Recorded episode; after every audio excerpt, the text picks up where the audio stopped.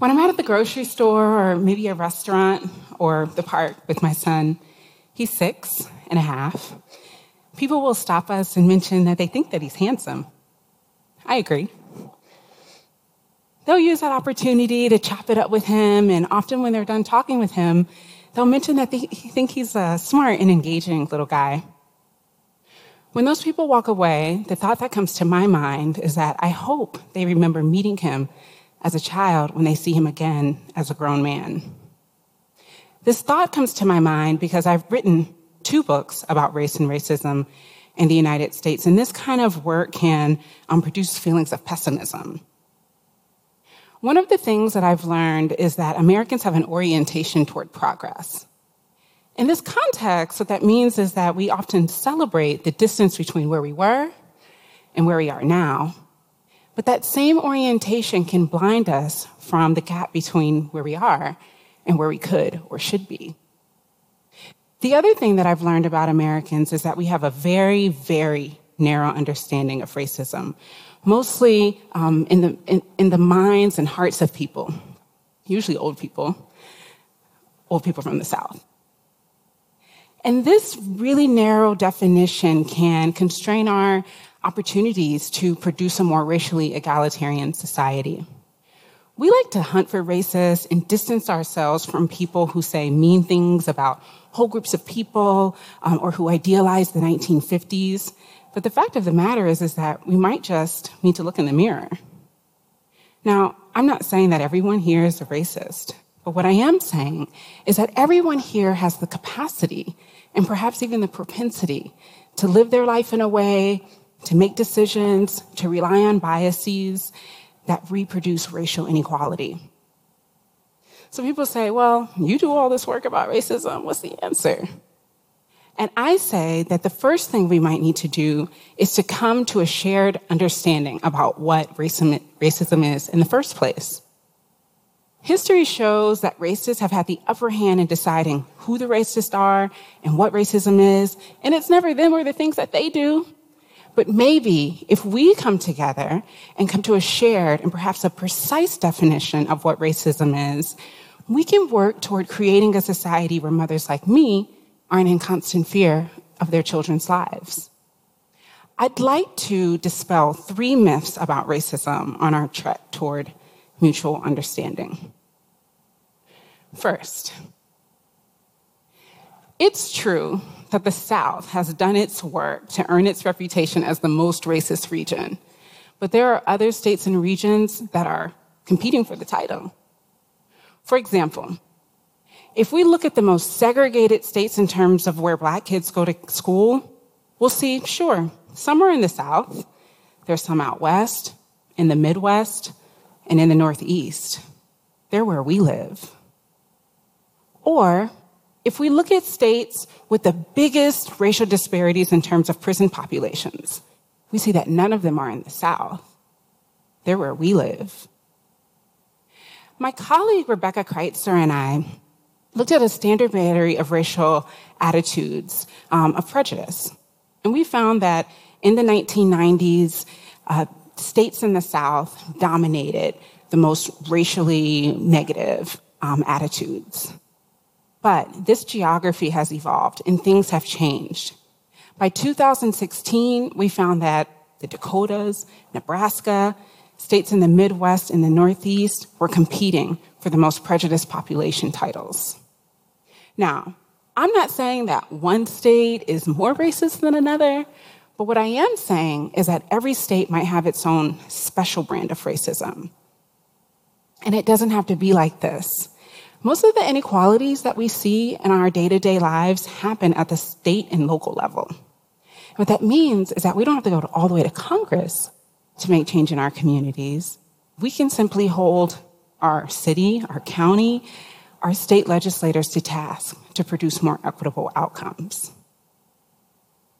Myth two.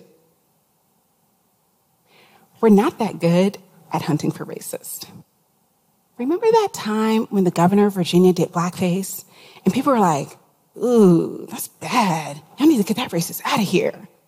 I was giving y'all the side eye, and here's why. While people were going back to yearbooks to look for things that were obviously racist, fewer people were looking into the current day policy stances of legislators who probably did blackface but didn't get caught. So, how many of us might have supported a candidate who was willing to let neighborhoods secede from their district so that kids could go to all white schools in the 21st century? Or how many of us might have supported a ballot measure that systematically reduced some groups' chances of voting? Or how many of us might have focused on the behavior of Black mothers rather than doctors or healthcare systems and policies when we learn about the huge racial disparities in maternal and infant mortality? It doesn't have to be like this. We could do something different. We could scrutinize the behaviors of the rule makers. We could orient ourselves toward a more just society, and on our way there, we can't mystify practical policy solutions. Myth three. If you believe that when all the grandmas in Mississippi die, that racism is going to go with them, you are in for a big disappointment. We like to think that young people are going to do the hard work of eradicating racism, but there's some things that we might should note. We know that young folks, young white folks especially, like diversity. They appreciate it. They're looking for it. But we also know that they don't live diverse lives.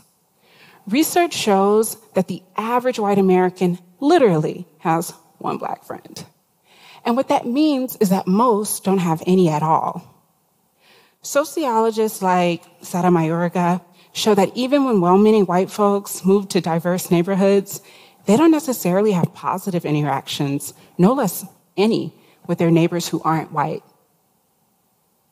My research with Professor Christopher DeSante shows that um, when we ask white millennials their racial attitudes and policy preferences, that they're sometimes just as, and other times even more racially conservative than boomers. When we ask them about the things that are important to them, they don't have any particular sense of urgency around questions of racial inequality. How do we get like this? Well, one of the things we might think about is how we raise our kids and equip them to solve the problems that we want them to, to solve. We, um, we, research shows that um, white parents in particular will either choose to not talk about issues of racism to their kids in order to protect them um, from a harsh racial reality, or they instill colorblind lessons. And that can actually reinforce negative racial attitudes. So it's kind of like how some of your parents might have given you books about puberty so that they didn't have to talk about the birds and the bees, and then you tried to connect all the dots and then you did it all wrong. It's like that. It doesn't have to be like this. We can do better. We can have hard conversations with our kids so that they don't grow up like many of us did, thinking that talking about racism makes you a racist. It doesn't. And so that we can prevent them from making the same mistakes that we've seen in the past. Remember a long, long time ago in 2008 when we were all pining to live in a post racial world? Well, I say that it's time for us to think bigger and dream bigger and think about what it would be like to live in a post racist world.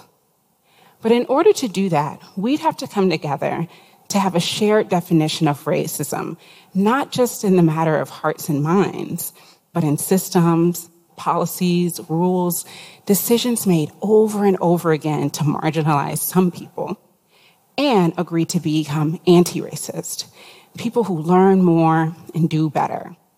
So, we could ask harder questions of candidates about their stances on racial inequality before we throw our full weight behind them we could boycott or boycott businesses whose practices don't align with our values. We could talk to our kids about racism. We could figure out our state's special brand of racism and work to eradicate it.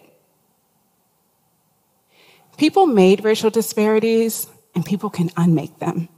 Sure, it'll be hard, But the fact of the matter is, is that someone is depending on us to do nothing at all. Thank you.